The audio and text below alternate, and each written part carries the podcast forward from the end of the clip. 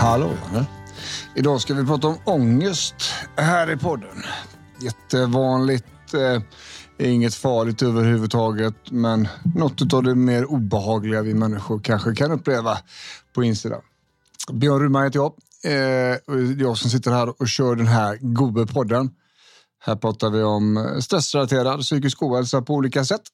Och eh, ja, äh, ångest är en del av det faktiskt. Det är en väldigt vanlig äh, del i människors liv och ångest är någonting som alla människor får till och från.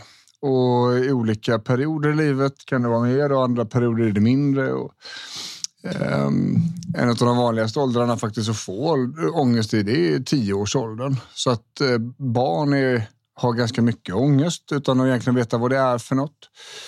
Och Det är just det här vad det är för något. Och det är, ångest är en fight och flight reaktion.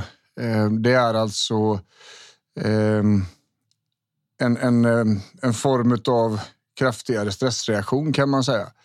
Eh, ångest är eh, fysisk. Den är ett, ett starkt obehag i kroppen. Det kan vara höjd puls, det kan vara eh, klump i magen, det kan vara tryck över bröstet, det kan vara ehm, eh, ett, ett eh, så här krypande, krypande obehag i kroppen som man inte vet vad det är för något. Det kan yttra sig på en mängd olika sätt. Ofta ganska diffust, det vill säga att det är inget tydligt. Oj, det här är precis vad som händer. Det kan också såklart vara kopplat då till, till eh, väldigt starka orokänslor på insidan. Um, och en av orsakerna till att det känns så här i kroppen det är att ångest är ihopkopplad med adrenalinet, adrenalinsystemet. Det är adrenalinet som ska då sparka igång det sympatiska nervsystemet, alltså fight or flight systemet. Och ångesten och adrenalin är ihopkopplat. Av den orsaken så är en av KBTs insats, rekommenderade insatser för just att behandla och hantera ångest, det är att vänta ut ångesten så att huvudet känner att Just det, det, det hände ingenting här. Det var inte farligt och det försvann. Eh, för att då slippa situationer där det blir massa flyktbeteende, det vill säga jag får ångest och då måste jag göra tusen tusen saker för att ångesten ska försvinna, för det är så obehagligt. Till slut så vänjer sig huvudet vid det där eh, och så är det standardlösningen.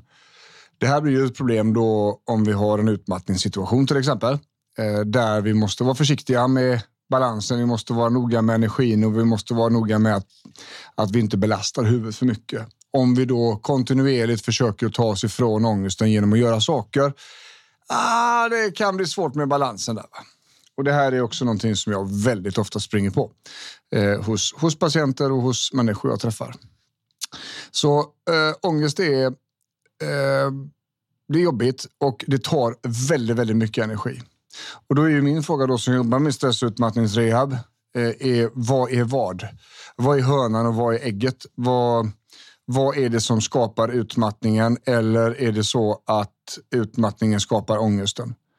Vad är vad? Det behöver inte heller vara antingen eller, utan det kan absolut vara olika, olika dagar, olika situationer. I vissa situationer så är hjärnan, blir hjärnan jättetrött för jag hade ingen ångest. Och när jag blev trött så fick jag jättemycket ångest. I andra situationer så kanske man kommer in och får jättemycket ångest, jobbiga saker. Och efter det så blev jag pangtrött och så hämtade jag inte mig på jättelänge. Det kan vara det är olika saker. Det, det, det är jättevanligt med det man kallar för samsjuklighet, då, det vill säga både med utmattning, stressproblem, men också ADHD och liknande. Eh, att ångest är en del i sjukdomsbilden. Ehm, det finns också ett antal olika eh, ska säga, hälsotillstånd där ångesten kommer och går lite mer random utan att det finns egentligen en orsak till det. Äh, ångestsyndrom liknande. Äh, generaliserat ångestsyndrom är väldigt vanligt, GAD. Eh, och, och, då kommer det liksom ångest titt och tätt och av egentligen ingen or orsak alls i många fall. Ehm, det finns också eh, en typ av ångest där den inte slutar accelerera utan mynnar ut i panik. Ehm, och det är väldigt kraftiga stressreaktioner, eh, väldigt fysiska. Också väldigt likt eh, hjärtinfarkt då för män, just känslan och det är det man kallar för panikångest. Då. Och panikångest kan man få utan att ha psykisk ohälsa liksom, att tala om, utan det kan komma utav en väldigt pressad situation. Men, men ofta är det så att när det har kommit en gång så är det, så är det inte ovanligt att det kommer tillbaka igen. Har man då haft panikångest något tillfälle, då, då är det så vanligt med ett ångestsyndrom efteråt, alltså efter en panikångestattack eller panikångestperiod så förhöjs ångesten överlag och då, det kan utveckla ett syndrom. Då. Um, det, det, står liksom i uh, litteraturen kring just panikångest att man, man, måste vara observant på syndrom efter, efter en sån. Eh, och det är en väldigt jobbig grej och det är många som misstar den Eh, speciellt då ska jag säga första gångs debuten så att säga eh, för hjärt-kärlproblem för att det blir sånt brutalt tryck över bröstet för många och, och liksom väldigt stark smärta. Um, så tack och lov så går infarkt och sånt och kollar på blodprov Eh, och finns det ingenting sånt så går man ofta på spåret panikångest. Då. Det finns andra grejer kopplat till ångest också, att, att eh, huvudet gör, alltså får ångestreaktioner på hälsosymptom. Det vill säga att det blir väldigt, väldigt jobbigt att ha symptom som man då försöker undersöka vad det är för något och, och, och lägger ner väldigt mycket tid och kraft på det. Och det är det som kallas för hälsoångest. Då. Um, och det här är jobbiga saker. Det här är liksom faktorer, delar i stress och utmattningssituationer för väldigt många. Um, och man behöver vara observant och titta lite noggrannare på detta. Liksom, vad är vad? Är det ångesten som är huvudshowen eller är det utmattningen som är huvudshowen? Är det liksom tröttheten som skapar ångestreaktioner eller är det, är det ångesten som är liksom dominant i vardagen och att av den orsaken så håller vi oss trötta? Vi har ju pratat om det i podden massor av gånger att en av grundförutsättningarna för att komma i ordning med utmattningstillstånd det är att minska belastningen och öka återhämtningen och att låta det gå tid. Vi måste alltså trygga lägga tid under återhämtning och minska belastning så att vi inte blir liksom över, äh, trötta med mer hjärntrötthet, hjärndimma liksom i huvudet, potatismoset i huvudet. Det ska vi inte uppleva egentligen för att det kommer att fördröja läkningen. Det kommer att fördröja återgången i en utmattning. Eh, och, och, det är väldigt svårt om det här då pressar på på insidan. Så eh, det jag brukar rekommendera så här först och främst då att finns det en sömnproblematik, finns det, finns det någonting att göra med sömnen överhuvudtaget egentligen? Eller kunna förstärka den så börjar vi där. För att trötthet och ångest bor vägg i vägg. Eh, det är jättemycket svårare för huvudet och ska vi säga inte skicka på adrenalin när vi är trötta. Ehm, och det är så viktigt att det knappt går att beskriva. Liksom. Så där är ett bra ställe att börja på. Eh, samma sak låg energi, matmässigt låg energi kommer också göra oss mer känsliga, mer sårbara för ångest. Och det är så här att träning är faktiskt ångestreglerande. Eh, och, och eh, Det är någonting som man rekommenderar både inom vården och även då inom barn och ungdomspsykiatrin faktiskt. Ehm, tränar ungdomen eh, eller är man bara still? Eh, har man testat att träna när man har ångest? För det fungerar faktiskt väldigt, väldigt reglerande. Och det, kan, det hänger kvar dessutom länge. Va? Eh, skulle det vara nu så att man har stora nivåer av ångest, om man tänker sig att, att ångest är som feber. Har man väldigt hög feber väldigt ofta så ska man inte gå omkring med det själv. Utan där är ett läge att söka sjukvård för det. Eh, och då brukar sjukvården använda eh, någon form av allergimedicin faktiskt.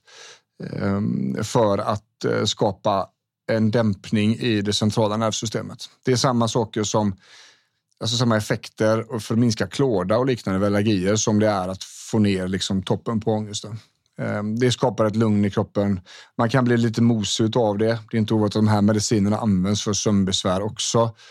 Men eh, det är ett problem för hela ska vi säga, organismen människa och gå runt och vara liksom i ett överfall enligt huvudet hela tiden. Det finns liksom ingen som orkar det och det ska inte vara så. Um, så är det så att man känner att det här kommer dels flera gånger om dagen, flera gånger i veckan och det är en av huvudorsakerna till att man mår som man mår så kan det absolut vara läge att söka, söka för det. Um, men jag tycker också att sömn, mat och ordentlig träning faktiskt. Och då är det inte bara promenader, det kommer antagligen inte räcka. Utan lite där vi får höja pulsen lite. Va? Ehm, det gör ju också att man får vara lite försiktig om det är en utmattningssituation samtidigt. Träning ska vi ju absolut kunna göra, men inte på bekostnad av mer trötthet. Sen kan man argumentera, okej, okay, men om jag blir trött på grund av ångesten, då kanske jag ska riskera det med träningen. Ja, absolut. Det finns ju, det finns ju varianter på det. Liksom. Eh, man kanske kan minska belastningen i träningen genom att inte gå på gymmet utan kanske gå ut istället och göra, göra sin träning utomhus för att slippa gymmiljön, slippa folk, slippa resan och ta sig till gymmet och liknande. Utan man kan gå ut och så kan man, även om man inte är van löpare, så kanske man kan promenera och sen kan man jogga lite fortare så att pulsen går upp och sen så går man igen och göra det ett par vändor liksom, se om det släpper. Ehm, det, det, är, det är krångligt. Det här är någonting som många brottas med ehm, och det här är ingenting som bara går att ta bort. Och det här är en del i helheten. Men det är som sagt, det är väldigt, väldigt vanligt med samsjuklighet och att ångest är en del i detta. Liksom. Ehm, så, så börja med de här grejerna. Testa det. Och ja, det, vi lär få anledning till att återkomma just i det här ämnet. För det här är jättevanligt. Och det är liksom inget, inget farligt överhuvudtaget. Ångest kan aldrig, aldrig, aldrig någonsin skada er. Men det är jätteobehagligt. Men det, det är liksom dit man vill nå någonstans. Okej, okay, det är obehagligt. Det är här nu. Jag ska göra vad jag kan för att minska det och sen så, så, så låter jag det vara så. Behöver inte göra så mycket mer med det. Det är liksom, även om det känns som larm om ett överfall så, så finns det inget överfall just nu. Och det här kan man lära huvudet på sikt. Då. Ja, Eh, vill man eh, läsa mer om detta så bjornrudman.se eh, är ett bra ställe. Och dela gärna podden vidare. Och är det så att man känner att det är, att det är knöligt och svårt att ta sig ur sin stress och utmattningssituation så rekommenderar jag utbildningarna på www.stressrehabonline.se där, där jag har mycket inspelade eh, lektioner och sådär för att kunna ta sig ur de här sakerna. Stort tack för att ni lyssnade. Ha det gött! Hej!